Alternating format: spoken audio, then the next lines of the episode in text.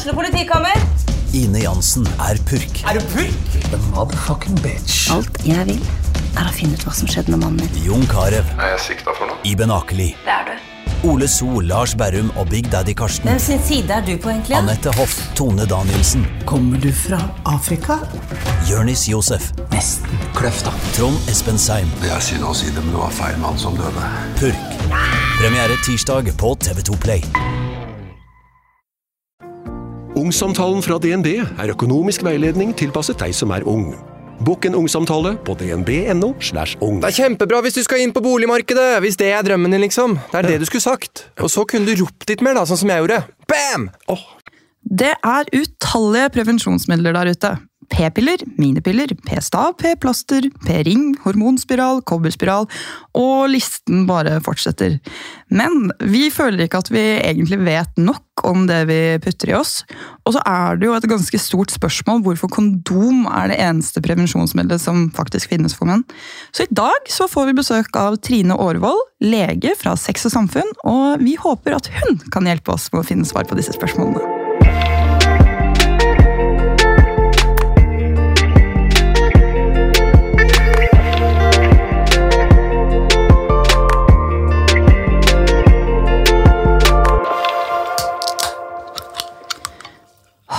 Der var vi i gang.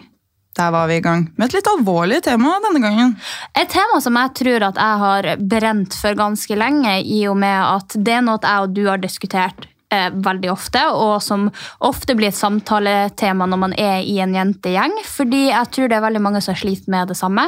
Eh, jeg har jo tatt det her opp på Instagram tidligere, der eh, det er det innlegget på mine storyer som jeg tror jeg har fått mest engasjement på av alt jeg typ har lagt ut, eh, annet enn den Salto-videoen der jeg eh, smalt i sjøen, for det, var jo, det ble jo også vel tatt imot. Men jeg tror det er fordi at det er veldig mange som føler på det samme som meg.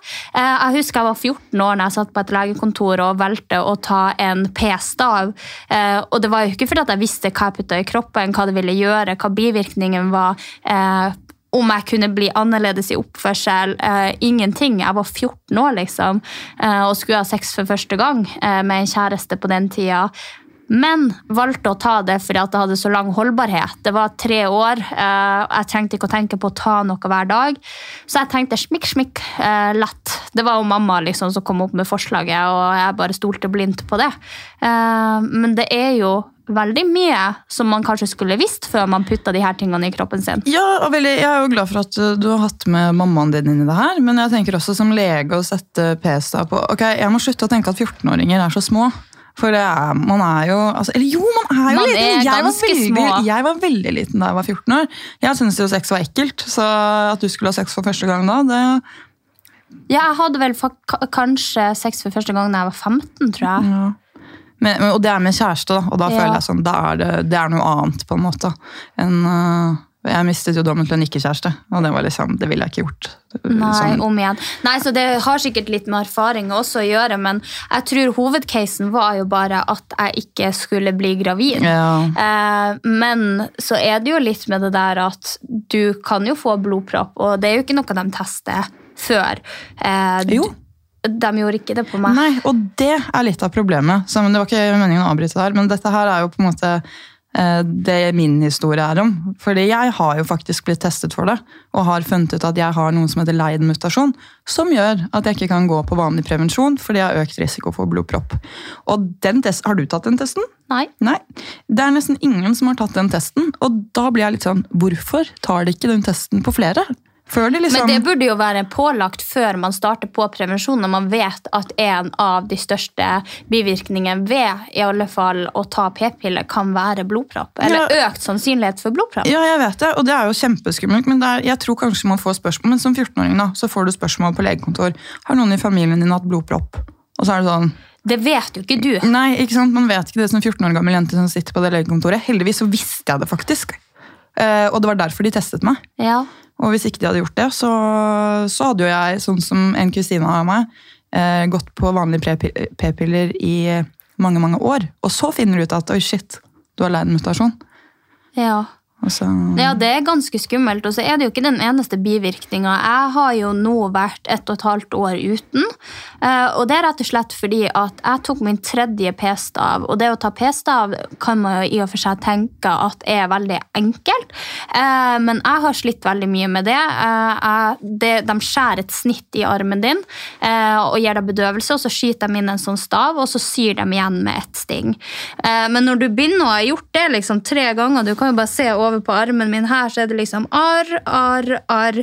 For det er liksom arr der de tar den ut og setter Oi. den inn på nytt. Eh, og de setter jo ikke inn på samme plass.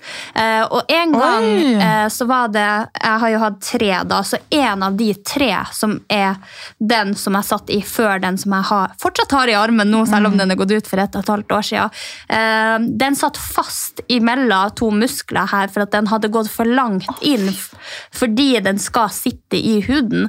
Så de drev og rykka og prøvde å finne denne p-staven i 45 minutter. Og jeg lå der, og det kom tre leger inn, for det er sånn pirkningsarbeid i et bitte lite hull og skal finne den der lille staven. Og jeg, de begynte å røkke, for den hadde jo selvfølgelig grodd fast, og fingrene bare begynte å liksom bevege seg, og jeg tenkte bare Vet du hva, det her er aller siste gang jeg gjør det her, for at jeg satt jo med en ny da når jeg tok den ut, for man setter ofte i rett etterpå. Og da tenkte jeg det her gjør jeg faktisk ikke igjen. Eh, sånn at nå har jeg vært uten prevensjon i ett og et halvt år, og virkelig fått kjent på hvordan jeg er uten prevensjon. Jeg har liksom du, når du er 14 år, da, så er jo du premenstruell ganger 1000 og liksom i ungdomsårene dine og vet jo egentlig ikke helt om det er prevensjon du reagerer på, eller om det er hormonene eller stad, altså det stadiet du er i. Så jeg syns det var veldig digg å komme av det og bare kjenne at ok nå, ja, for du kjente skikkelig forskjell? Ja, Shit. det gjorde jeg. Det er, det er noe jeg er veldig spent på selv. For det, jeg hadde denne samtalen nå nettopp med en psykiater på DPS, fordi jeg har begynt på ny medisin. Men før jeg fant ut hvilken medisin jeg skulle bruke, så så vi på et annet alternativ. Og den reagerte med min minipille, da, som jeg må gå på. Eh, som kunne liksom svekke effekten av den. ikke sant? Og det er jo veldig sånn Når man går på medisiner, så må man ta hensyn til liksom alle typer medisiner og prevensjonsmidler man går på. Men det han også sa da, var jo fordi, som vi har snakket om før, så har jeg syklotemi, Men han sa jo også veldig klart ifra da, som jeg ikke har fått beskjed om tidligere heller, at man kan jo få veldig humørsvingninger av Saracetten. Og for deg som da har syklotemi, så kan det være en veldig dårlig bivirkning hvis, hvis du får den bivirkningen. da. Men jeg vet jo ikke om Du har hatt den jeg- eller ikke? Nei, fordi jeg eh, på en måte ja, har syklotomi. Og da ble jeg litt sånn Fader, herregud, det er egentlig veldig sant. Jeg har gått uten før, i over et år.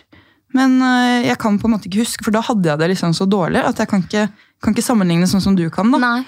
Og det er sånn her, det er, det er veldig mye å tenke på, og i hvert fall for en 14-15-åringer som skal gå og, og bare tenker at det er bare å ta en pille. Ja, og så syns jeg bare det er liksom så Nå skal jeg bare være ærlig. Jeg syns det er så jævlig provoserende at vi på en måte er så små jenter. Det er vi som det, Ja, det er greit. Det er vi som skal bli gravide, og det er vi som skal føde, og det er vi som sliter med det og får vonde pupper og mensen og alt som er. Men at vi i tillegg da må gå på prevensjon, det syns jeg bare er helt tullete. Fordi du, som jeg har dratt det her spørsmålet, det her skal jeg stille til legen også, men hvordan har man tenkt at det er lurere å hive på noen en skuddsikker vest og fortsette å skyte, enn å bare ta ut kulen fra pistolen? Altså, Jeg klarer ikke å få det til å gi mening oppi mitt hode. Hvorfor skal vi eh, beskyttes mot dem når de kan bare beskyttes mot seg sjøl? Altså, hvorfor kan ikke de gå på p-piller? Jeg, jeg, skjønner det ikke. Fordi det har jo vært forska på. Eh, og det er jo liksom sånn, vi har jo hatt prevensjon jævlig lenge. Og da tenker jeg at, at det ikke er kommet opp ett annet alternativ for prevensjon for menn enn kondom. Altså, ikke fortell meg Ikke fortell meg at det henger på greip med hvor vi er i verden. Her, her får vi vaksine på ett og et halvt år når det er covid, og svineinfluensa, og vi får medisiner for det ene og det andre. Men så vanskelig å lage prevensjonsmiddel for menn. Vet du hva, Kjøss meg en viss plass. Nå ble jeg litt lik Iselin Guttormsen. Men her syns jeg faktisk det må gjøres noe. Jeg sjøl snakka med en gutt tidligere i dag, skal ikke røpe hvem, eh, som jeg har data, som er bare sånn Ja, du, hva syns du egentlig? Altså, Hvis du hadde fått tilbudet, og guttene dine hadde fått tilbudet, hva hadde dere gjort da?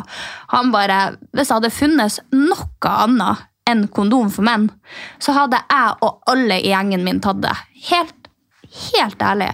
Og det kan jeg jo også tenke meg fordi at når en kvinne blir gravid, da, som man eh, på en måte da tar bort ved å bruke prevensjon, fordi at da er du sikker sex for å ikke bli gravid, eh, som jo da er derfor man tar det, så tenker jeg liksom sånn at jeg hadde vært jævlig nervøs hadde jeg vært en gutt og eh, gått og ligget med noen, og du vet ikke hensikten hennes. Kanskje hun er kjempeklar for barn. og Babytrapping. i babytrapping, for det er en reell greie. Jeg har sett deg kjekke gutten stå der og danse og tenkt at han skal jeg bare ligge med og få et barn med. Han skal få et pent barn med! Ja. Og det er sånn, du har null eh, måte å beskytte deg Og du kan, nå kan jo alle feministene komme inn og si ja, men de kan jo bruke kondom. Og ja, det er helt riktig, jente. De kan bruke kondom.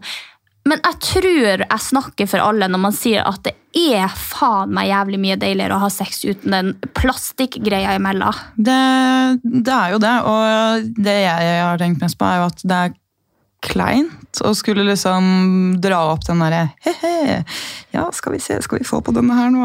Ok, mm, jepp, ok. Hvordan var det vi gjorde dette her igjen? Dette husker jeg fra ungdomsskolen. på Når vi tredde det på en banan. Ja, eller en isoporpenis som vi hadde. Ja, Altså- det må jo ha lagd jævlig lyd. Ja, ja, og så tenker jeg sånn, For det første så er det ikke sånn en penis kjennes ut. og for det andre er det ikke sånn det fungerer. Så, men, men igjen, ikke sant, så er det jo det derre Hvis du tenker på det økonomiske aspektet da, av å gjøre en dame gravid Du har ikke noe valg. Nei, du har om- ikke noe valg. Nei, det, Og jeg, jeg skjønner det at det er kvinnens kropp og man ikke skal, skal ha det valget, men da tenker jeg sånn Du blir bundet til å betale Si at du har blitt babytrappa, da. Så blir du bundet til å betale barnebidrag i 18 år. Men det er akkurat derfor det er viktig at gutta har et valg. Fordi har gutta et valg, eh, og ikke går på p-piller eh, laga for menn, så skjønner jeg det. Da Sorry, bro, you gotta pay up. Du har vært uforsiktig. Men vi kan ikke komme og forvente Og det her høres skikkelig stygt ut, for jo, du kan forvente at de bruker kondom, men hvis du ikke har noe bedre til dem, så er det sånn Det kommer til å skje at man har sex uten. Og jeg syns bare det er ulogisk hvorfor det ikke skal finnes et alternativ for menn som faktisk er like bra som et alternativ for en kvinne. For en kvinne har eh, ja, kanskje ni forskjellige å velge mellom. Eh, og hvis vi skal se likt på det, da, så har mann én. Og det skal sies at kondom er heller ikke så sikkert. Nei. Jeg ble jo annet gravid med kondom. Ja. Det er sikkert mange som stikker hold i dem. Det vet jeg ingenting om.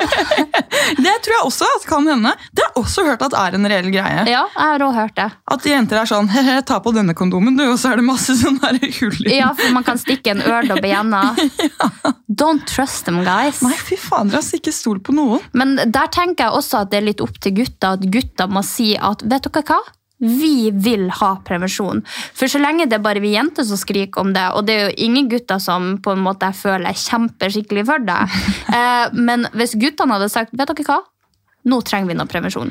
Så tror jeg at det hadde blitt forska litt mer på enn det gjøres i dag. Og jeg tror alle vil det, som du sa. Fordi, altså, Har du ikke hørt alle som ranter om at de må bruke kondom? Men så er de jo livredde for at dama skal bli gravid, liksom. Problem solved. Problem solved. Han har sikkert tjent masse penger på det også. Og så er det liksom, Da har du på en måte makta i dine hender, for det er jo litt det det handler om også. For hvis du vet at du har tatt en pille hver dag i en måned, så er du veldig sikker og har liksom skuldrene der de skal være, eh, og kan slappe litt av. Kontra hvis du tar en kondom fra hun eller deg, eh, så kan det fortsatt hende. Fordi at ja, det er en, en gummigreie, men du vet jo ikke om det leker gjennom. Nei, det er det. Er det hull? Sprekker den? Er det... Ja. Forsvinner den? Det... For, ja. Men jeg har bare opplevd veldig mange ganger, og grunnen til at jeg er ikke noe fan av kondom, det kan jeg jo bare si at for at jeg føler at gutten og stemninga og alt blir litt klein, i tillegg til at jeg føler at gutten mister potensen med kondom. Og det er jo både frustrerende for deg og for partneren, på en måte. Eh, Så jeg syns absolutt vi trenger noe nytt. Ja, jeg tenker vi, vi får høre litt om eh, hvorfor det ikke blir forsket mer på, og kanskje vi kan få noen anbefalinger til hvordan vi egentlig kan finne prevensjonsmiddelet som passer best til oss. Ja, fordi jeg har jo lurt veldig på hva jeg har lyst til å begynne på nå. Nå har jeg vært ett og et halvt år uten, men det er på tide at jeg begynner på noe igjen. Eh, Så jeg er faktisk veldig spent på denne samtalen og håper at hun har kanskje noe svar på hva man helst skal holde seg unna, og hva man eh, helst burde bruke, og hva som har minst bivirkninger. Ja, for jeg. Velkommen til deg, Trine Aarvold. Tusen takk. Veldig spennende å, ha deg her, og vi har jo snakket litt nå før du kom. Eh, og det er jo veldig mye vi lurer på angående prevensjon, fordi de fleste blir jo bare altså, altså kommer i en situasjon hvor de bare må begynne på prevensjon som at det er helt naturlig, da, i hermetegn, og så stiller man ikke så mye spørsmål ved at man faktisk gjør det. Og du er jo veldig opptatt av dette med prevensjon.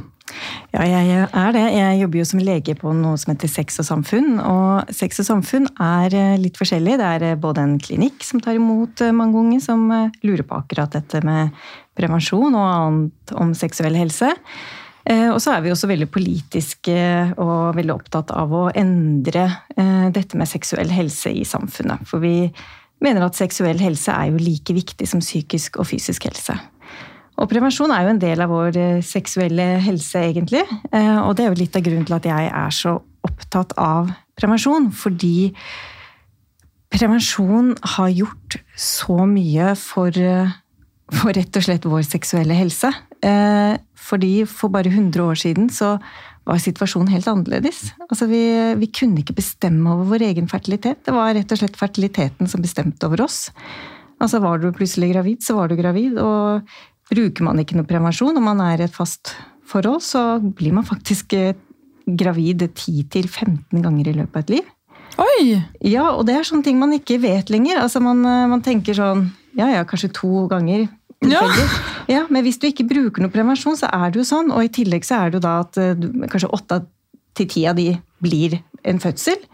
Og så ammet man jo i gamle dager i flere år. Og man fikk mensen senere, og fikk eh, menopause, altså slutta å ha mensen tidligere. Så man hadde jo nesten ikke mensen før heller. Hadde man ikke det? Nei, man hadde kanskje mensen 40 ganger i løpet av livet. fordi Ellers så var man jo gravid. Eller man amma. Ikke sant? ja! Å, herregud! Ja, mens nå, har vi jo, nå får vi jo mensen når vi er 13. Og... Ja, og vi som klager over at det er så irriterende med mensen, jeg tror det er jo litt mer irriterende med på en måte ni barn og ett til på vei. Så uh, ja, det er kanskje slitsomt med mensen. Da kan man prøve å se litt positivt på det, for jeg er jo veldig negativ når det kommer til sånt. Og tenker jo sånn, ja, vi har mensen, det har ikke gutta. Det er vondt, det er ubelagelig, det er uh, så mange dager eller uker i måneden der jeg ikke kan være seksuelt aktiv, uh, der det murrer i magen, og der det bestemmer om jeg kan ha på meg hvit bukse, men da sier du jo faktisk i og for seg at det kunne jo vært verre. Ja, det, altså den mensen er jo der for en grunn, og, jo, og derfor er vi litt sånn opptatt av det å snakke om prevensjon. da. Det er jo noe vi, vi, har holdt på med i alle år. Eh, prøvd å hindre at vi skal bli gravide. Prøvd, prøvd så godt vi kan å liksom bestemme selv da, når vi vil ha disse barna. Og det har så mye å si da, for kvinner eh, å ha den muligheten. Så det at vi fikk eh, prevensjon som virker så godt som vi har i dag, det har gjort så enormt mye for kvinners eh, seksuelle helse og status, rett og slett, og muligheten til å gjøre ting. Så det er jo litt viktig at vi har det som en sånn bakteppe tenker jeg, når vi skal snakke om prevensjon. Ja, altså jeg blir helt sånn, Dette har jeg faktisk ikke tenkt over engang. Fordi det er så altså, innprentet i samfunnet da, at man skal gå på prevensjon. Ja. Altså Man tar det litt for gitt. da. Ja, vi gjør det. fordi vi har jo ikke altså dere som vokser opp nå, dere har jo ikke bestemødre som hadde 10-15 eh, barn, liksom. Så det har skjedd så fort, da, denne endringen. Men, og det blir til at man ikke husker på det, ikke tenker over det lenger. Men, men er det ikke like, for nå snakker jo du veldig sånn fint om prevensjon, at det hjelper på en måte kvinnen, og at vi bestemmer sjøl. Men så har vi jo et sex her i samfunnet som ikke bestemmer sjøl, og som ikke bestemmer over om de skal bli far. Eh, fordi de har jo én type prevensjonsmiddel som jeg mener er et ganske dårlig utvalg. Og ja, jeg syns det, det, er et dårlig tilbud til guttene. da, eh, Og hvorfor, hvis det har vært så viktig for kvinnen, og vi har sett at det har vært så viktig for oss eh, å ha den prevensjonen som vi nå, også, som Anja sier, tenker at er helt ja, det, det vi lever med, og vi tar den litt for gitt i hermetegn. Hvorfor har vi ikke da forska på noe for menn? Det er noe som jeg ser kommer mer og mer nå. Altså det, det, forskes på prevensjon for menn, eh, og jeg tror nok det er det nye, det er det nye store skrittet vi skal ta, er at de også skal få lov til å bestemme over eh, Og det kan de jo for så vidt nå, de kan bruke kondom i større grad enn det de gjør, men, men eh, hvis en kvinne sier at de bruker prevensjon og ikke gjør det likevel, så har de jo ingenting de skulle sagt. Så jeg tenker jo at den neste revolusjonen innenfor prevensjon blir jo at menn også skal få like god og sikker prevensjon. For og det, tror du at blir å komme? Jeg tror det. Ja. Mm, men jeg tror vi må vente en stund. Og det er mange som sier sånn uff, det er så typisk fordi de stopper nå um, det å lage prevensjon for menn fordi det er så mye bivirkninger. Hva med oss? ikke sant? Det er veldig mange som sier det. Og det skjønner jeg veldig godt, men man må bare huske på at uh, den prevensjonen vi bruker nå, den ble fremstilt for veldig mange år siden. Og det var liksom en helt annen andre regler på legemiddelmarkedet på den tiden. Ja. Og når man lagde p-pillene, det var ganske mye uetisk som skjedde på den tiden, eh, som vi ikke ville godtatt i dag. Så når man skal lage en ny prevensjon nå, eh, så er det en litt mer strenge regler, rett og slett. Så det er jo litt derfor det tar litt lengre tid, og at vi må være litt mer tålmodige. Ja, være litt mer forsiktig. Men jeg syns bare det er så rart, fordi vi har hatt prevensjon på markedet så lenge jeg kan huske, og så lenge min mor kan huske. og sant, Det går jo veldig langt tilbake. Og hvorfor på den tida da? Jeg skjønner at det kanskje ikke var viktig tilbake til den tida der det ble laga for oss, eh, men jeg tenker at det er å ha vært rom for ganske lang tid med forskning for prevensjon til menn også. La oss si at kanskje de, de siste 30 årene da, at det skulle forsket på ja, ett i hvert fall, ett tilbud som ikke er, er kondom. Um, jeg syns det er litt vanskelig å tro når vi klarer å lage en vaksine på to år og vi klarer å fikle og dikle der vi vil, at, uh, at det skal være så vanskelig med prevensjon for menn. Og det skjønner jeg godt, men det er eh, det systemet vi kvinner har med menstruasjonssyklus og sånn, det er litt sånn lettere å, å overstyre. Mm. Eh, sånn at det er på en måte en enklere Vi er allerede en sånn hormonell maskin som tikker og går, og som blir styrt når vi har menstruasjonssykluser og vi blir gravide. Så det er litt sånn lett lettere å overstyre det enn menn som ikke har denne syklusen og ikke har disse samme Da må man på en måte gå inn og stanse denne produksjonen av sædcellene. Ja, Eller eh. bare som du sier, eh, legge dem til å sove. Se litt av sovepille for de her sædcellene. Ja, ikke sant. Og det er jo det de prøver å forske litt på nå. Da. Hvordan kan man legge sædcellene til å sove? Men eh, for menn så har jo da veldig mye av den det hormonet de bruker, testosteron, det er jo der hele tiden. Og det har liksom en litt annen effekt også på menn. da. Eh, vi har også testosteron i kroppen vår, og hvis vi skulle lagt det til å sove, så hadde vi også merket det. Sånn at eh, det ikke, den har ikke den samme syklusen eh, sånn som våre hormoner har. Og dermed er det litt vanskeligere å på en måte overregulere den, da. Sånn som våre hormoner. Ja, for jeg har jo bare tenkt at det er sånn Nei, her har vi gjort dette med kvinner, og så er det liksom fordi mannen ikke har noe eh, Hva skal jeg si eh, For eksempel før da, så var det på en måte kvinnen det gikk mest utover å få barn. Eh, så at hun på en måte slapp det, eller at de ikke skal påføre mannen det. Eller liksom at det har vært noe sånt. da, At uh, dette er noe, altså at vi ikke gidder å forske på dette til menn. Det er litt det man liksom Ja, at man på en måte ikke får, ser Ja. ja. Men eh, da, det gir jo veldig mening, det du sier. Ja, Men så er det jo også en Det har jo vært kvinnene har gått mest utover i alle år. Altså det er jo som jeg sier, Før så bestemte jo faktisk fertiliteten over hvordan du skulle leve livet ditt. Fikk du fire barn, du kunne jo ikke ta toppjobben og alt mulig sånt i, for 100 år siden. Da, da var du hjemmeværende, da. Og sånn var det. Eh, Så det er jo noe med holdninger også som må endres. Eh, Og det er nettopp som du sier at man som mann har jo ikke så mye man skulle sagt heller om kvinnen blir gravid. Så og det, det er liksom litt sånn Og jeg skjønner liksom hvor det kommer ifra, men det er bare sånn Vi er i 2022, eh, og vi jobber med likestilling hver eneste dag og hvert eneste år, og det er veldig mange år siden likestilling ble en greie, der man forventer liksom at kvinnen skal være eh, kapabel til det samme som en mann, men da tenker jeg jo også at man må også se litt på det at en mann også må være kapabel til å gjøre det som en kvinne. Og, um, og at det er vanskeligere, det skjønner jeg. Uh, og at det sikkert er mye biologisk og mye mer som står på spill hos en mann. Men det blir litt, sånn, litt som å si ja, det er mye lettere å gjøre det for kvinnen. Men jeg har jo også opplevd, og tror at veldig mange kvinner der ute har opplevd ganske mange bivirkninger på eh, prevensjon. Eh, og um, det er jo blitt sagt, da, i hvert fall husker jeg når jeg hadde denne debatten på min Instagram, at grunnen til at de slutta med forskninga på det her for menn, var pga. bivirkningen. Men det er jo noe vi også lever med etter alle de årene og all den forskninga. Så er det jo typ samme p-piller, samme spiral, samme p-stav som vi har i armen. Og det er jo også bivirkninger for oss, både hormonelt, menstruasjonsmessig, psykisk, blodpropp. Eh, og det er jo ting som jeg kanskje ikke hørte så mye om i forkant av å ta det. Eh, så vi er jo også veldig opptatt av i denne poden å løse litt ut, for du vet jo veldig mye om det her, og hva som på en måte kan være det beste. Og nå er det jo veldig individuelt, selvfølgelig, så du kan jo ikke si at det her er best for alle som er der ute, men, men er det liksom noen prevensjonsmiddel du kanskje ikke ville anbefalt, og noen som er sånn to go to du ville anbefalt? Vet du hva, Da tenker jeg vi kan først uh, ta en liten sånn oversikt over hvilke prevensjonsmidler som er. Uh, for det kan jo hjelpe litt uh, med å finne ut hva man skal bruke. og jeg pleier å dele, Når jeg har prevensjonsveiledning, så pleier jeg å dele det i tre. Og da har vi de prevensjonsmidlene som inneholder to hormoner. og Det er da østrogen- og gestagenhormonene. Og gestagen er det samme som det kvinnelige kjønnshormonet progesteron, det er bare at det er en kunstig variant. Og det er da p-piller, p-ring, som er en sånn ring man setter inn i skjeden. Og så har man da et plaster som man kan skifte hver uke. Og så har man da de prevensjonsmidlene som inneholder kun ett hormon, og det er det hormonet gestagen. Og da har du p-staven, som du har nevnt, og hormonspiralen.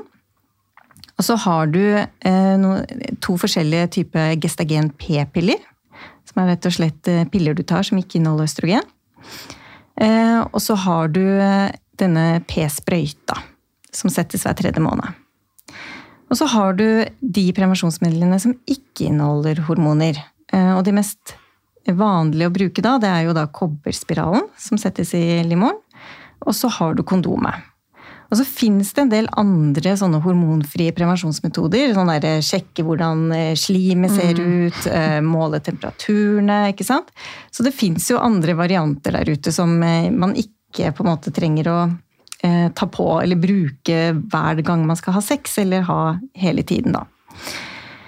Så når jeg pleier liksom å gå gjennom dette først til personen, og så forklarer jeg litt forskjellen. Og prevensjon med østrogen og gestagen, det er fordeler med at man ofte får veldig stålkontroll på blødningene sine. For når man bruker det, så kan man velge om man har lyst til å blø da en gang i måneden, eller om man har lyst til å hoppe over den blødningen. Noen kan hoppe over masse blødninger, noen kan ikke hoppe over for de, for de små blødninger. Kan jeg skyte inn et spørsmål der? Ja. Er det usunt å hoppe over mensen? Nei. Nei, ok. Nei. Så Og da det- streker vi dem, for det er jo en Hva det heter Myte. Myte, ja. Veldig myte. Og det komiske er jo at den blødningen den ble jo lagt inn der for at vi skulle føle at det var naturlig. Og i eh, Sør-Europa så er, eh, er de veldig veldig opptatt av å ha den blødningen hver måned. Så der er det ingen som hopper over. Fordi det føles naturlig. Men det er ingen grunn til å ha den blødningen. Ok. Så vi, vi blør uten at vi trenger å blø. Ja, absolutt. Fy er- fader! Så det er vi veldig opptatt av. Og en annen grunn til å hoppe over den blødningen, er at uh, hvis du glemmer piller, så er det størst risiko for å bli gravid hvis du glemmer dem eh, rett før eller rett etter at du har hatt en sånn blødningspause. Så hvis du ikke har så mange blødningspauser, da har du også mindre sannsynlighet for å bli gravid hvis du skulle glemme pillene dine. Herregud. Nå, jeg har jo gått med den innstillinga at det er, nei, det er sunt å blø. Det må være dumt å hoppe over mensen. Det, det har jeg veldig sånn uh, anti-forhold til, fordi en, det her blir veldig personlig, men når jeg blør, så kan jeg blø fra to til tre uker. Uh, før det igjen går fem uker før jeg får neste mens. Det er lenge, det. Ja. Og det er nå når jeg ikke har gått på prevensjon et og et halvt år, så har det kommet så lenge. Og det fins ingenting som er mer irriterende Jo, det gjør jo det. Å få ti barn og gå gravid hele ditt liv. Det er mer irriterende. Men, men å blø, det kan han bare skrive under på at det er faktisk Ja, det er irriterende. Når man tar i betraktning at før så blødde man jo nesten ikke fordi man var så mye gravid og amma så mye, og at vi nå blør og blør og blør. Og det er ikke naturlig, det heller. Altså, mensen føles liksom naturlig å ha mensen hver måned, men det er jo egentlig ikke det. Nei. Det er unaturlig med mensen. Herregud. Nei, men vet du hva, jeg tenker Vi, bare, vi kommer og spiller inn litt sånn Ja. når vi får med spørsmål her. Så for det, da får du. For det er da p-pillene med både østrogen, Østrogen og Yes. Så fordelen med det er jo eh, kontroll på blødningene sine. Bakdelen er jo dette østrogenet. Og eh, det er en eh, det er liksom lagt inn bare for at det skal være sånn velværehormon. Det er liksom gestagenet som gjør at du ikke blir gravid. For det det gestagenet gjør i prevensjonsmidlene med hormoner, det er på en måte å overstyre vårt eget eh, sånn menstruasjonssyklus, og så legger de liksom disse eggene til å sove. Sånn at disse eggene ikke løsner. Det er liksom opp... Ja. Vil de eggene spares på? Vil man ha mer mensen liksom lenger fordi at man ikke får de eggene ut? Nei. Okay. Og det er liksom et helt annet det derre den der reguleringen på når man skal få mensen, og når man kommer i pubertet, når man kommer i overgangsalder, det er liksom et helt annet system. Ok. Eh, Så det er ikke sånn at du sparer opp eggene dine så okay. du kan eh, ha de lenger. Men det er et, veldig ofte et spørsmål, det der. Et veldig godt spørsmål. Eh, Ja, Så bakdelen er jo at østrogenet, det kan, det er liksom lagt inn som et sånt velværehormon for å gi disse blødningskontrollen. Men eh, det gir jo også økt risiko for blodpropp. Eh, og hjerneslag. Sånn at eh, da må vi stille en del spørsmål for å finne ut om folk er i risiko for det.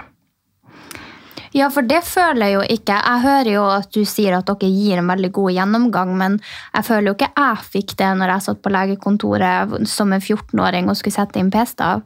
Jeg ble jo, ble jo sikkert spurt om det fantes i familien, og sånt, men hvilken 14-åring har kontroll på, på blodpropp i familien sin? Det er liksom sikkert ikke så mange. Nei, og heldigvis eh, når det gjelder p-stav, så er ikke det så farlig. Nei. Eh, For der har du ikke østrogenet. Nei. Så dette er de vanlige p-pillene, og det er, greit å sjekke ut. Og hvis man er veldig ung, så går det jo an at man enten spør familien sin, eller at man får et annet type prevensjonsmiddel som ikke gir den risikoen, da. Og så er risikoen veldig, veldig liten. Altså vi har, Klinikken vår ligger like ved, ved trikken, på en måte. Jeg pleier å si at det er større risiko å bli påkjørt av trikken eller av en sparkesykkel når du går ut døra her, enn at du får blodpropp, for det er ikke veldig vanlig. Men man skal vite om, eh, vite om det, og så skal man vite hva slags symptomer man kan få på det, og så vite hva man skal gjøre. Mm. Okay, jeg men nå, har- nå har jo jeg både sett noen bli påkjørt av trikk og kjørt på noe med sparkesykkel, så det var ikke en sånn veldig god odds for meg. Men, eh, for jeg har jo Leiden-mutasjon. Uh, og da må jo jeg gå på prevensjonsmiddel med bare gestagen i. Så det var jo på en måte, det var det vi snakket om litt før du kom, at jeg fikk veldig, jeg fikk jo spørsmål om det var blodpropp i familien, og så, det visste jeg, og så testet de meg, og så hadde jeg Leiden-mutasjon. Så da måtte jeg gå på, på da minipille, da var det de sa. Eh, men så har det jo plutselig Lillesøsteren min har det samme, og hun kan velge noe annet plutselig. Jeg fikk beskjed om at jeg bare kunne gå på minipille. da. Så jeg føler at man får så mye forskjellig informasjon fra leger og offentlig helsevesen. da. Ja, og det er jo litt det vi på Sex og Samfunn jobber veldig veldig hardt for. Er jo nettopp å gjøre Altså gi kunnskap til prevensjon ut. For det, det trengs. Jeg er helt enig med deg i at det, det dere sier om at man ikke alltid får muligheten til å velge, og det er jo det vi jobber veldig hardt for på Sex og Samfunn, er at vi skal ha selvbestemt prevensjon. Og det å kunne ha selvbestemt prevensjon betyr at man skal få all informasjon om alle typer prevensjonsmidler som fins, og så skal man vite fordeler og ulemper. Og så skal man få lov til å ta et valg ut ifra hva som er riktig for seg selv. Um, og det er jo nettopp det som gjør at det er vanskelig for meg å si hvilke prevensjonsmidler må dere styre unna, hvilke skal dere velge. Uh, Men har du noen sånn favoritter? Du må jo ha, for du jobber jo med det. Jeg jobber med dette her, ja. Jeg kan gå litt videre til hvilke typer som finnes, så skal jeg komme tilbake til hva, ikke mine favoritter, men hva pasientens favoritter er. Ja, så nå har vi gått forbi de som inneholder østrogen og gestagen med fordeler og ulemper, og da har vi de som inneholder bare gestagen. Og da har du jo denne p-staven som settes rett inn under huden og varer i tre år. Eh, og det er den aller sikreste prevensjonsmetoden vi har. Hvis 100 kvinner bruker den, så blir 0,05 av de gravide i løpet av et år. Yes. Eh, mens på p-piller, særlig det første året etter at man starter opp, hvor man ofte gjør litt feil, Eh, har liksom brukefeil, så blir 9 av hundre gravide. Så det er ganske stor Oi, forskjell. Ja, det... Men det var, jeg tror det var derfor jeg valgte p-stav. Det var jo fordi at jeg visste at jeg var for sløv med p-piller, og den skal du jo være ganske presis med. Eh, og jeg føler jo alle lever jo ulike liv, men å ta det til fast tidspunkt hver eneste dag kan jo bli utfordrende. Og det er akkurat det som er så viktig når vi skal kartlegge hva slags prevensjonsmiddel som passer for deg, er jo nettopp å spørre om sånne ting, da. Um, og så har du da denne spiralen, hormonspiralen. Eh, den kommer liksom i tre forskjellige eh, styrker, på en måte. Eh, hvor da den som har mest hormoner i seg, er som å ta én p-pille i uken. Mens den som er, har minst styrke i seg, er som å ta en halv p-pille i uken. Så det er ikke sånn kjempestor forskjell på dem. Men de virker mest lokalt. Men det kommer likevel hormoner over i kroppen, så man kan jo få bivirkning på det som de andre prevensjonsmidlene. Ja, for det har jeg hørt at man ikke kan. Eh, at det kun er lokalt, så det skal ikke ha noe eh, innvirkning på resten av det. Nei da, det, det stemmer ikke. Det stemmer ikke, så da stryker vi den. Ja. Kobberspiral som hun kommer til etterpå. Ja, det, da snakker ja. vi om noen andre ting. ja, men jeg har også hørt om hormonspiral, for jeg har sagt at etter jeg slutta på prevensjon, så har jeg følt at jeg ble annerledes i væremåten og hvordan jeg følte meg i min egen kropp. Og så har jeg sagt at jeg egentlig ikke har så lyst på hormoner, men jeg har jo lyst til å på en måte dirigere litt denne mensen og ikke blø så mye. Og da har folk sagt spiral, og den er kun lokalt. Mm. Men da er den ikke yes. det. Um, og det som er eh, med fordelen med hormonspiral, uh, den som har mest hormoner i seg, den kan sitte i fem år, og den som har minst, sitter Nei, unnskyld, seks år kan man sitte. Oi, den som har mest. Malla, det var veldig lenge. Ja, veldig deilig. Uh, også den som har minst hormoner i seg, den sitter i tre år, og så har du en midt imellom som sitter i fem. Eh, og det som er så fint med hormonspiral, er at vi, veldig mange mister blødningen eller blir blødningsfrie på den. Da. Eh, eller har veldig lite blødninger. Så det er også faktisk en behandling for de som har mye blødninger, eh, å få en hormonspiral. Og selv om det da er kan komme hormoner ut i blodet og gi bivirkninger, så kan jeg allerede nå røpe om at det er den, det prevensjonsmiddelet flest er fornøyd med, da. I store studier, og som vi også ser hos oss, da. Mm. Um, og så har du da denne p-sprøyta. Eh, den var veldig populær før. Når jeg starta opp prevensjon, så var det veldig mange som ville ha den. Eh, det var før p-stav og spiral. Eh, fordi det var det man ga unge på den tiden. Men nå så er det den man helst unngår, fordi har man først satt den, så får man jo ikke gjort noe med det man skulle få bivirkninger. Nei. Um, og så er det uh, litt flere Litt større sånn sannsynlighet for at det tar lengre tid å få mensen og bli gravid igjen etter at man har tatt den av, da. Mm. Mm. Ja, for du vet jo liksom ikke hvordan kroppen uh, bryter ned. Det er vel noen som bruker lengre tid, og noen som bruker kortere tid på å bryte ned noe som tilsett i kroppen. Men, men sånne p-sprøyter, for det, det, kunne jeg jo ha tenkt meg, fordi at ja, da får jeg ikke på en måte arr i armen, og ikke skal noe settes inn. og Det er jo ganske sånn litt av nål, og så litt eh, med det inn. Er det sånn at du setter den p-sprøyta sjøl hjemme, eller må du til en lege og gjøre det? Du må i hvert fall oppsøke en helsepersonell som har opplæring i det. Noen ganger kan du få satt det på eh, legekontoret av eh, de som jobber i på laben der, eller du kan eh, få satt den på av en sykepleier, men den må settes av en helsepersonell, for eh, den skal settes eh, intramuskulært, dvs. Si at den skal settes litt dypt inn da, i huden. Ok. Ja. Så ja. den settes ofte litt sånn på baken, da. Ja. I rumpa. Rett og slett. mm. Ja. Så det fordi man liksom ikke kan styre de bivirkningene, man kan liksom ikke fjerne det. Og så er det eh, sånn at de aller yngste brukerne ehm, har vi sett at man mister litt eh, Man faller litt av, får ikke så tykt ben da, når man bruker det. Eh, fordi denne sprøyta er liksom det eneste prevensjonsmiddelet som er litt sånn høydosert med hormoner.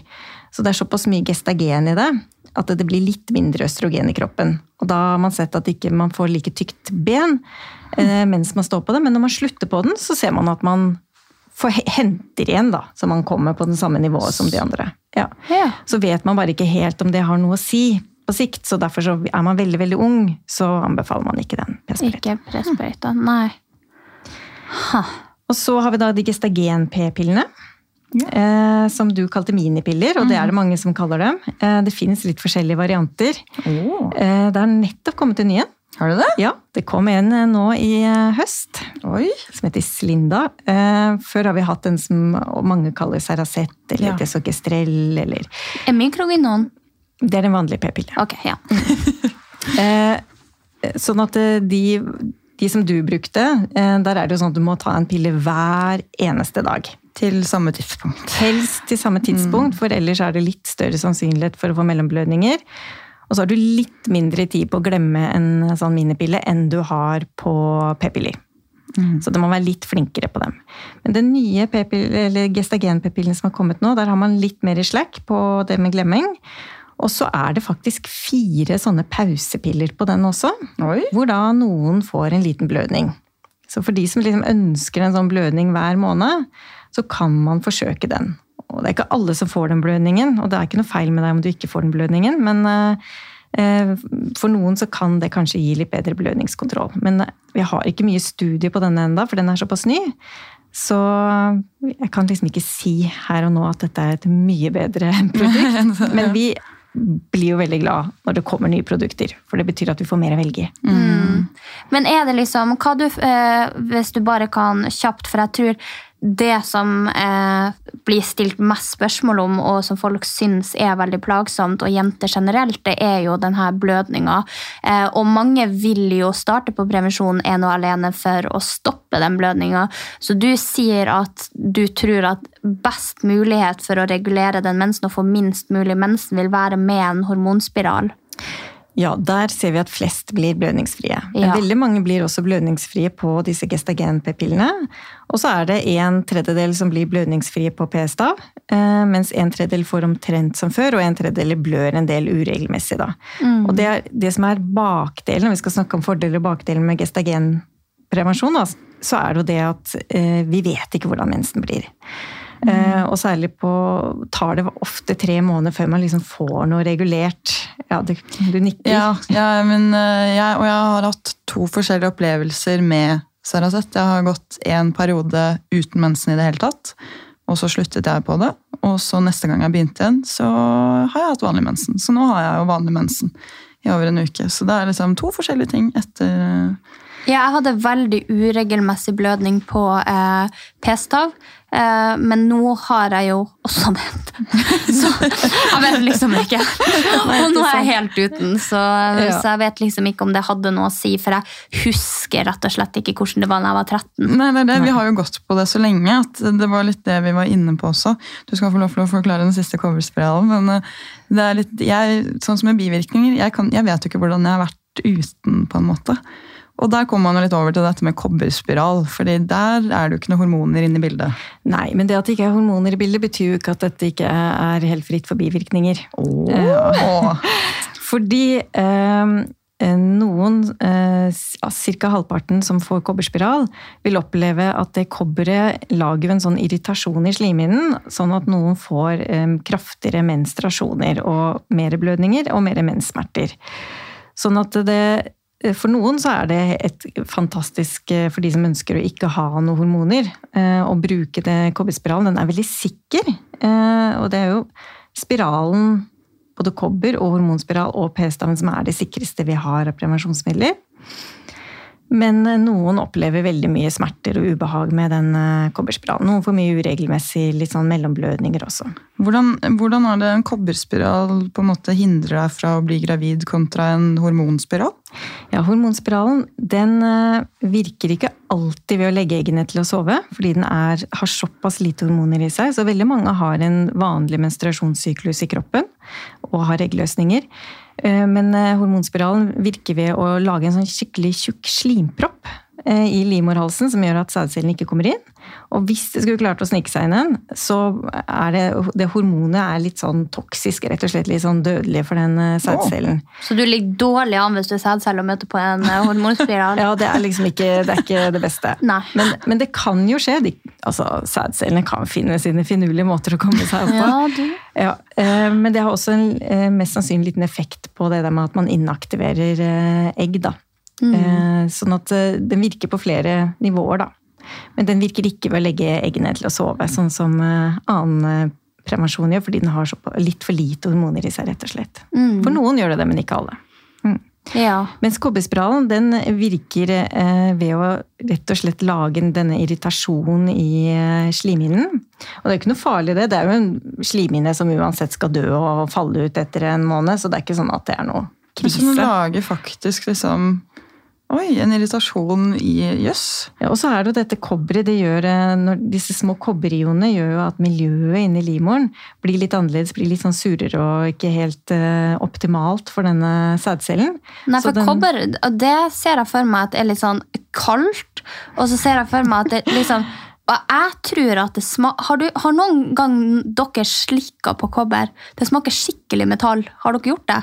Nei, men Nei. jeg kan tenke meg hvordan det smaker. Ja. Og jeg kan tenke meg at det gjør noe med sånn som du sier, surhetsgreia inni deg. Men- for at det smaker ikke noe godt. Men vil da utflod og sånn lukte annerledes hvis man har en kobberspiral? Nei da. Eh, Det er såpass lite, bare bitte, bitte lite grann som slippes hele tiden. Mm. Og Mm. denne kobberspiralen kan også sitte i fem år. Å ja, den er, hele er ikke laga av kobber. Nei, den, den er- ser litt ut som hormonspiralen, altså som en liten T. Eh, Og så er det kobber som er liksom eh, tvinna rundt, da. Men det fins forskjellige varianter av kobberspiraler òg. Det er jo noe nytt som har kommet på markedet. Ja. For de fleste spiralene ser ut som disse T-ene. Men nå har det kommet kobberspiraler som ser ut som en ball. Oi! Oi, så artig! Ja, og en kobberspiraler som eh, rett og slett ser ut som en eh, eh, altså en eh, tråd med perler på, som man fester da i livmormuskulaturen. Da. Oi! Ja. Så det, det fins nye varianter. Og tanken på disse nye variantene er at denne formen kanskje er noe av det som gir de smertene i livmoren. Da. Eh, Men så har man ikke klart å si det med forskning at yes, dette var mye bedre. Eh, Men for noen er det mye bedre. Noen syns at dette fungerer mye bedre for seg. Og igjen, vi er jo veldig glad for at vi får nye typer prevensjonsmidler.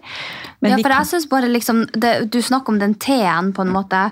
Og jeg bare ser for meg at liksom, den skal ligge inni ikke et organ i hermetegn, men det skal jo liksom ligge inni kroppen. Jeg føler at den liksom kan hekle seg fast litt plasser. Så det hørtes litt mer behagelig ut å ha en, liksom, en, en kule inni der, enn at du skal ha Ja, er ikke den skarp, den der? Den, eh, Nei det er overhodet ikke. Og de er ganske myke, disse armene på de Det er ikke sånn at det er sånn stiv ting som Nei, det er ikke Nei, det. den er ikke det.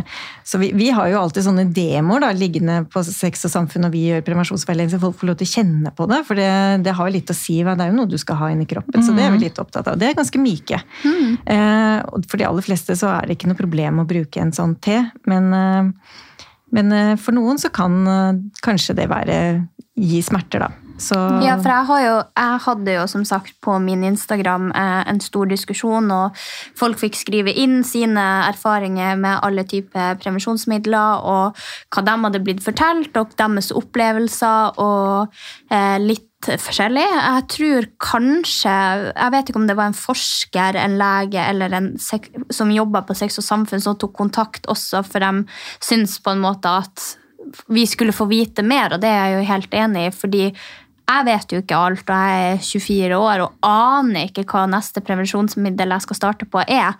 Eh, Og så er det jo bare det der å sitte i en sårbar situasjon og skulle velge, og så vet du liksom ikke alt som kan skje, fordi at nå føler jeg vi snakker om det som en veldig varm og fin greie, som det jo i og for seg er, men, men det finnes jo folk som, som sliter veldig, og som får kjempestore smerter når de har satt inn spiral for at den har vridd seg, eller at de har innovervendt livmor eh, og får masse blødninger og tull og herk. Og eh, min mor også fikk eh, kjempemye tull når hun hadde satt inn en spiral og måtte bare fjerne den fordi at eh, hun fikk så vondt av det.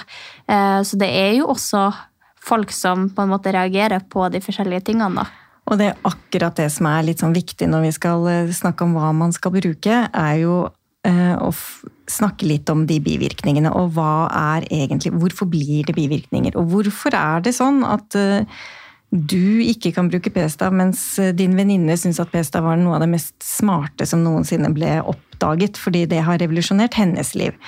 Um, og jeg pleier å si at vi er like forskjellige på utsiden som på innsiden. Eh, og disse hormonene da, som er i prevensjonsmidlene, de, eh, det er ikke sånn at det er det samme hormonet i hver eneste prevensjonsmiddel. Det gestagenet som vi har snakka om, eh, det fins forskjellige varianter. Litt sånn forskjellig, du kan tenke deg forskjellig passform på kjoler. da, ikke sant? Alle sammen skal på en måte ha samme funksjon. Det er å ta på seg en, ha en kjole på. Men eh, noen har kanskje litt høyt liv, og noen har lavt liv. Noen er litt vide, noen er litt smale, noen har større skuldre. Og sånn er vi også på innsiden, at vi har forskjellige sånne reseptorer. Og da er det noe med å finne den kjolen som passer til deg. Eh, og da er det faktisk sånn at det ene gestagenet kan passe perfekt til deg på innsiden. Du får ingen bivirkninger i det hele tatt, men hvis du skal prøve det, så får du masse bivirkninger av den. Men hvis du skifter til en annen type kjole, så passer den bedre. Mm. Eh, så jeg tror det er liksom viktig at vi, vi, husker på det at det, det er derfor det kommer så mye på Instagrammen din og alle disse eh, historiene. Fordi eh, alle er så forskjellige. Mm. Eh, og dermed er det så viktig å huske på at det, er, det var din opplevelse av den kjolen. Men hvis du låner bort den kjolen til en annen, så kanskje den passer helt perfekt. At vi, litt, at vi er litt opptatt av det. da. At det at du ikke tålte akkurat p-staven, som inneholder ett type gestagen, betyr ikke at du ikke kan bruke noen andre kjoler. Det kan Nei. være at hormonspiralen for deg, selv om for den inneholder et helt annet gestagen enn p-staven, kan fungere mye, mye bedre. Det vet man jo ikke før man har prøvd den. Nei. Det var en skikkelig fin metafor. Mm. Og nå, Jeg ante ikke at gestagenet var forskjellig i de ulike prevensjonsmidlene. Jeg trodde at det var det samme. Mm, jeg Så trodde. det var veldig men jeg bare syns at uh, når du sitter og forteller, så er det bare noe jeg savner at noen fortalte meg når jeg skulle velge det for første gang. Og også det her med belæring i skole. Uh, for at du får jo belæring i uh, hva sex er, hva det vil kunne gjøre, hvordan det egentlig skal være. En sånn time tror jeg vi fikk på ungdomsskolen med det, og så fikk vi tre på en kondom, og that's it. Men jeg tror at det er veldig viktig at vi på en måte går inn og i skolen, da, spesielt, fordi det er jo på en måte der man møtes. Så, så snakker man jo, som jeg sier, jeg la det ut på Instagram og fikk høre de forskjellige historiene eh, fra folk som følger meg. Men jeg kan tenke deg når du sitter der da og skal velge prevensjonsmiddel, og så har kanskje alle venninnene dine allerede starta og har sine historier, og så sier du ja, eh, hva dere syns jeg skal prøve, og så sier de sånn nei, ikke prøv det, for det var noe mm. dritt. At, du liksom, at man får inn sex og samfunn på skolene før man begynner å tenke på prevensjon, sånn at man liksom er litt rusta på hva er prevensjon, hva hjelper det mot, eh, og hvordan er bivirkningen, sånn at man ikke får sånne skrekkhistorier. For jeg sto jo da, når jeg la ut denne storyen, så sto jeg på et sånn vippepunkt på hva skal jeg velge? Det var jo egentlig mm. derfor jeg la den ut. Jeg bare har noen bra erfaringer, og hva er det på en måte best hva er best å ta, fordi jeg ikke har fått lærdom gjennom noen andre og syntes at det var vanskelig å google. Eh, og det endte jo med at jeg ikke tok noe prevensjon, fordi at jeg syns bare at det var skrekkhistorier på alt, egentlig. Mm, ja. Og jeg tror at vi som helsepersonell vi må bli så mye flinkere til å snakke om bivirkninger. Fordi eh, hormonell prevensjon det kan, kommer ofte med noen bivirkninger. Eh, for de fleste så er bivirkningene helt i starten, altså de første tre månedene. Og så forsvinner for de fleste bivirkningene. Og mange sier sånn ja, men hvordan vet jeg hvordan jeg var før eller etter? Og, ja. Ja. og da tenker jeg litt sånn Men har du det sånn greit med deg selv? Eh, og eh, du føler at denne prevensjonen gir deg kontroll på deg og din fertilitet, og det, du slipper å bekymre deg for å bli gravid, og liksom, det, du har en motivasjon til å stå på prevensjon, så tenker jeg at da, da er det egentlig litt irrelevant. Eh, ja. For det må på en måte være den motivasjonen må ligge i bunnen, da. Og det er jo det vi driver med når vi skal ha prevensjonsveiledning, er jo rett og slett å finne ut hva er det som er viktig for deg. For alle, ikke veldig, ikke alle, men ikke sjelden da, så sier de sånn Hva ville du ha valgt hvis det var deg? Mm. Jeg er jo ikke i tvil om hva jeg ville valgt, og hva jeg har valgt. Det er jo liksom min var jo en no-brainer for meg. Men det betyr jo ikke at det er sånn for deg. For det er sånn som du sier, du er fæl til å glemme piller, mens, eh, og så vil du helst ikke ha noe som er inni kroppen. ikke sant? Sånn man, har liksom, man har sånne forskjellige ting som er viktige for seg selv. Eh, og så er det noe med eh, ikke sant, dette med bivirkninger. Man skal vite om det. Sånn at man har muligheten til å gjøre noe med det hvis det skulle dukke opp, eller hvis det ikke blir bedre. Mm. Men også bare litt for sånn at det kan være skremmende for noen hvis de får en bivirkning, men hvis du vet om bivirkningen på forhånd, og så kommer den, så føler jeg at du kanskje blir mindre redd og syns at eh, det kanskje er greit å gi det noen måneder og prøve det her ut, for at du vet at det er helt normalt at det kommer litt mer blødninger i tre måneder etter at du har tatt en hormonspiral. Så jeg tenker jo alt handler jo om kunnskap kunnskap, og at man faktisk skal ha kunnskap om det man putter i kroppen sin. Mm. Uh, og det føler jeg jo absolutt at vi har fått i dag. Uh, mye mer enn hva jeg noen gang har hørt der ute. Enten når jeg sitter på et legekontor og skal ta det, eller blant venner eller uh, folk som har gått på det tidligere. da. Mm. Absolutt. Så ja, jeg tenker eh, vi har noen sånne spørsmål på tampen her. Myter og avkrefte, bekrefte, litt sånn.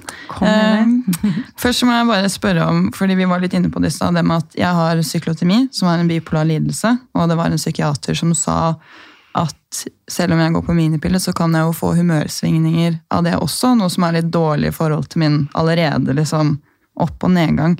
Er det liksom noe man skal ta i betraktning, sånn at jeg kanskje burde gått på kobberspiral og ikke fått noen hormoner i det hele tatt? Du, vet du hva, Det er veldig vanskelig å si, fordi noen får jo også humørsvingninger når de ikke bruker hormonell prevensjon, fordi da er den naturlige altså Hvem har ikke opplevd litt PMS, litt, litt følelser rett før en menstruasjon? Så mm. noen som f.eks. sliter med PMS og har mye sånn sykliske humørsvingninger, mm. uh, syns jo det er bedre å gå på prevensjon. fordi da får man mye mindre av de svingningene. Så det, det, er vanskelig å si. Så man kan både få humørsvingninger, men også dempe ja. humørsvingninger. Yes! Hvordan skal man vite dette? Herregud. Men vi, der, ja, vi har, som sagt så har vi fått inn litt uh, spørsmål her som er litt sånn mytete. For uh, kan man få større eller mindre pupper av prevensjon? Altså man får ikke i utgangspunktet større pupper, eh, men i oppstarten av særlig prevensjon som inneholder østrogen, så holder kroppen litt på væske. Og det gjør at man kan gå opp, opp til ca. en halv kilo eh, det første tida med væske. Eh, og denne væsken kan jo gjøre f.eks. at brystene blir litt, litt, mer spent, eller at man kan få litt hodepine, eller ja, sånne ting. Da. Så Eh, men når man liksom, man, de blir ikke større etterpå. Altså, det kan være en forbigående endring. Ja. Hmm. Men eh, det er ikke vanlig, og det er ikke sånn at jeg har forsket på si at dette er Nei, for det har jeg også hørt tidligere når, når jeg var yngre, at ja, jeg fikk pupper etter at jeg starta på, på p-piller. Ja, og det er jo litt i sammenheng også, da, for neste spørsmål er jo kan man gå opp i vekt av ulike prevensjonsmidler, men uh, da er det i, væske? Ja, altså det første tiden så har man altså Når man har forsket da, på dette her, så har man sett at det er ikke noe forskjell på de som ikke bruker eh, vanlig hormonell prevensjon, de som bruker hormonell prevensjon på sikt. Altså Alle går vi jo litt opp i vekt når vi blir litt eldre og sånne ting.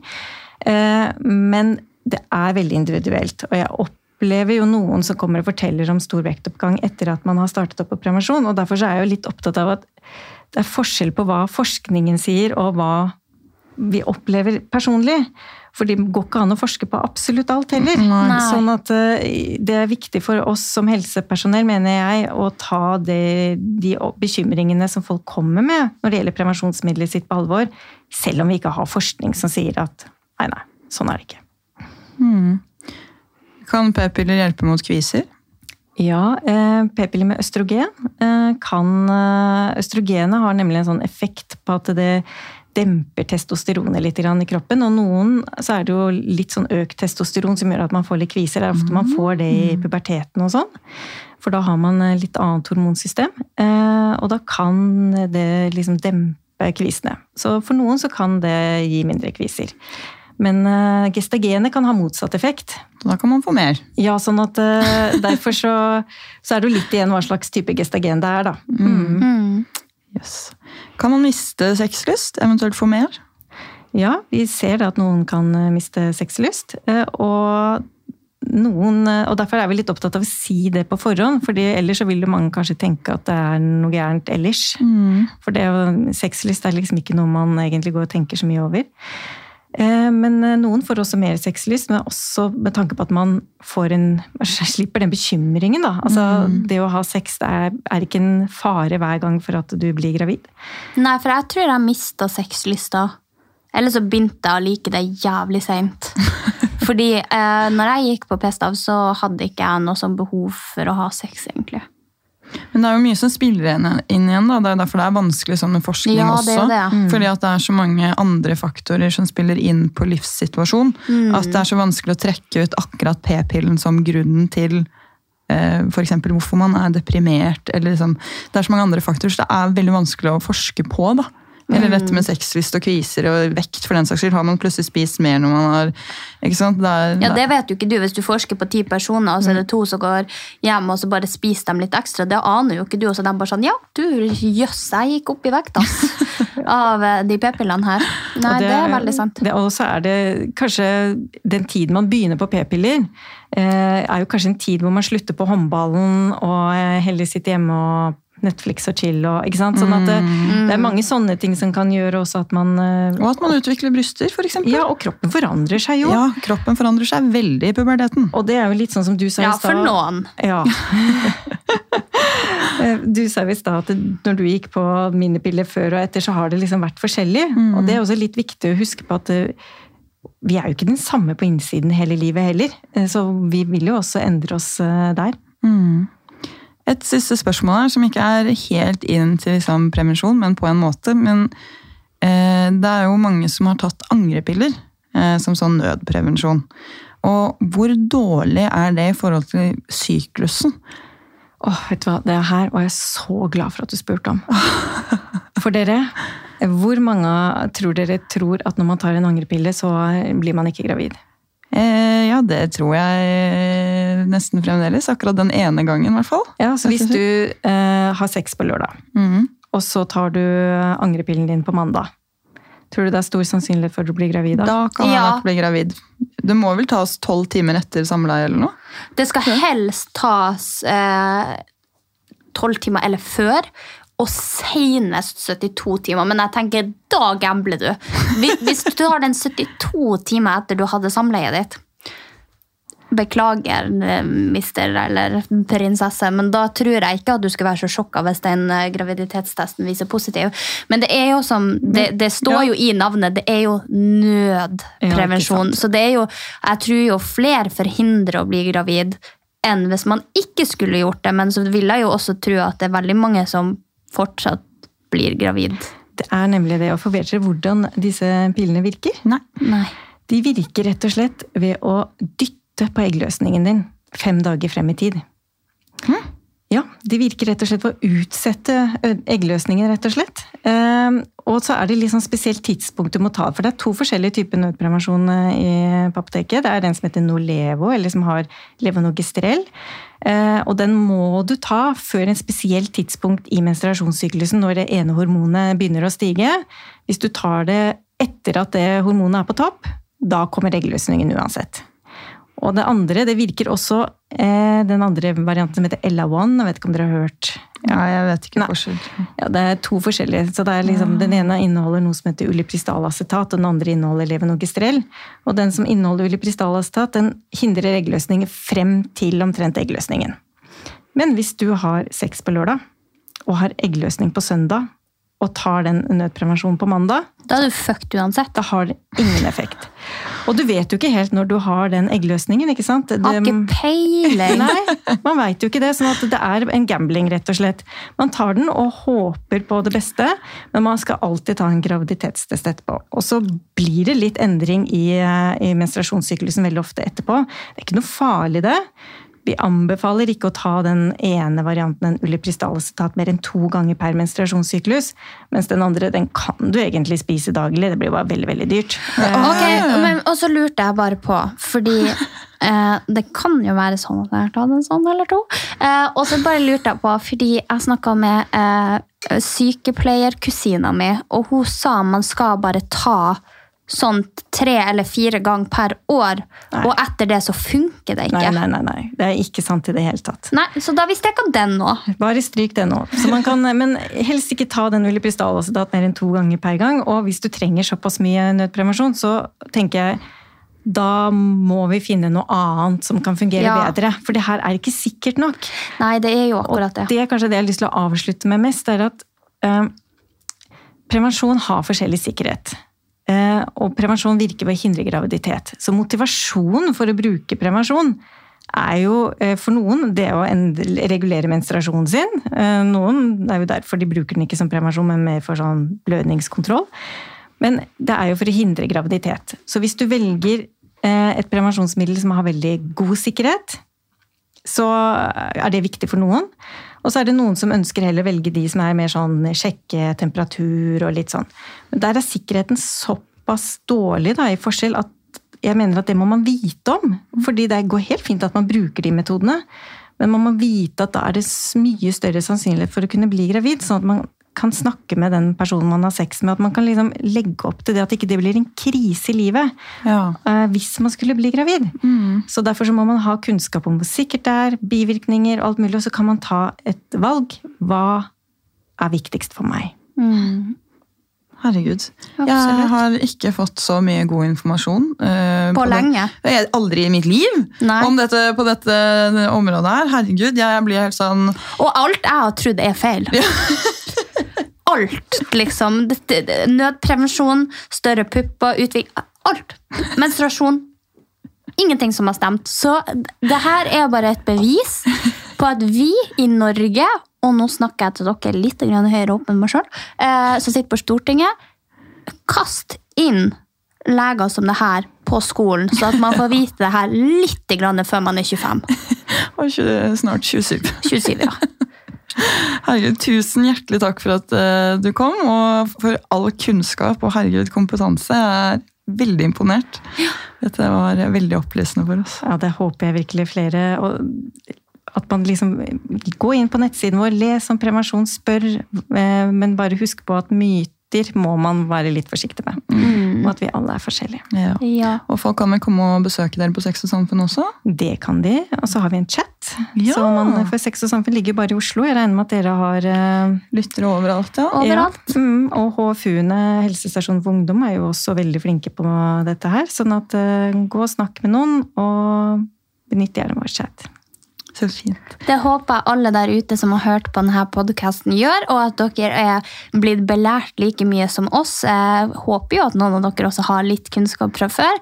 Eh, Men nå har vi i hvert fall tatt det opp i podden vår. Kjenner du en venninne, en lillesøster, en storesøster, hva som helst som burde høre på denne podden, så gjerne eh, videreformidl den. Eh, og så kan dere også sende oss spørsmål som vi skal prøve å svare så godt vi kan på.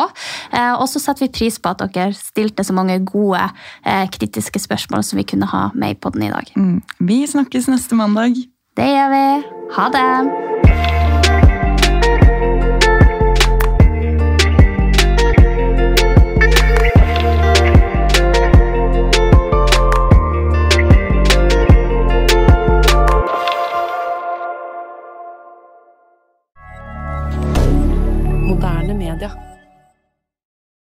Har du et enkeltpersonforetak eller en liten bedrift?